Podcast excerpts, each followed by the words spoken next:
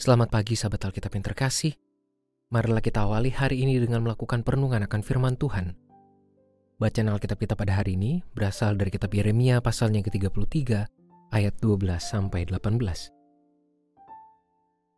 Beginilah firman Tuhan semesta alam. Di tempat ini yang sudah menjadi reruntuhan tanpa manusia atau hewan dan di segala kotanya akan ada lagi padang rumput bagi gembala-gembala yang membaringkan kambing domba di situ.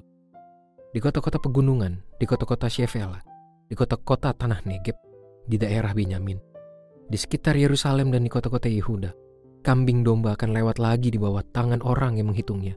Demikianlah firman Tuhan. Sesungguhnya, waktunya akan datang, demikianlah firman Tuhan, bahwa aku akan menepati janji indah yang telah kukatakan kepada kaum Israel dan kaum Yehuda. Pada masa itu, dan pada waktu itu aku akan menumbuhkan tunas keadilan bagi Daud. Ia akan melaksanakan keadilan dan kebenaran di negeri. Pada masa itu, Yehuda akan diselamatkan dan Yerusalem akan hidup tentram. Dengan inilah orang menamainya Tuhan keadilan kita. Sebab beginilah firman Tuhan. Tidak akan terputus keturunan Daud yang duduk di atas tahta kerajaan kaum Israel. Juga tidak akan terputus keturunan imam-imam orang Lewi yang mempersembahkan kurban bakaran di hadapanku, membakar kurban sajian, dan mengorbankan kurban sembelihan sepanjang masa. Restorasi yang Tuhan akan lakukan bagi bangsa Israel memang lengkap. Tuhan akan mengembalikan efektivitas hidup mereka sebagai bangsa yang merdeka dan hidup dalam perlindungannya. Ia juga akan mengembalikan fungsi tanah yang begitu berharga bagi bangsa Israel. Bahkan, Tuhan jugalah yang akan menjadi keadilan bagi mereka. Semua itu dilakukan Tuhan, bukan sekedar demi memuaskan atau memenuhi kebutuhan mereka sebagai makhluk hidup, melainkan juga sebagai bentuk pemeliharaan iman mereka sebagai umat Tuhan.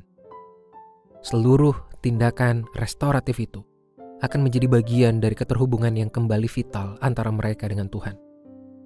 Sahabat Alkitab, permenungan firman Tuhan pada hari ini telah menunjukkan bahwa segala pembaharuan dan pemulihan dari Tuhan tidaklah sekedar pemenuhan kebutuhan kita sebagai makhluk hidup, Hal ini juga berarti setiap berkat yang kita alami tidaklah semestinya dinikmati secara egois atau menempatkan diri kita sebagai pusat dari karya restoratif Tuhan.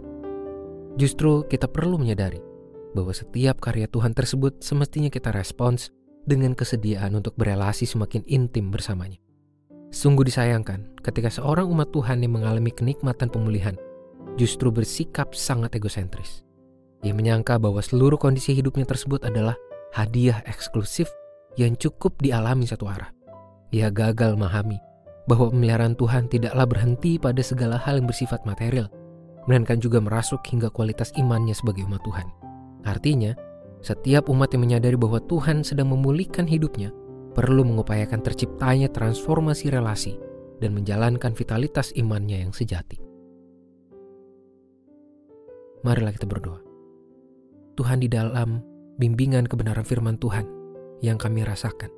Tolong kami untuk menjalani hidup yang penuh pembaharuan dan mau mensyukuri setiap berkat anugerah Tuhan yang kami terima sebagai bagian, sebagai cara Tuhan untuk melihara iman kami.